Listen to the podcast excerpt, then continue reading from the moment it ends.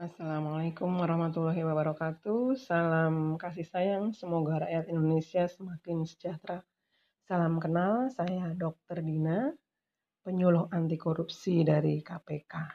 Konten ini lahir di masa pandemi, lahir bersama dengan ulang tahun negara kita Indonesia. Akan mewarnai dunia podcast dengan literasi anti korupsi untuk menjaga Indonesia tetap sehat. Salam sehat tanpa korupsi, Wassalamualaikum warahmatullahi wabarakatuh. Salam kasih sayang, semoga rakyat Indonesia semakin sejahtera.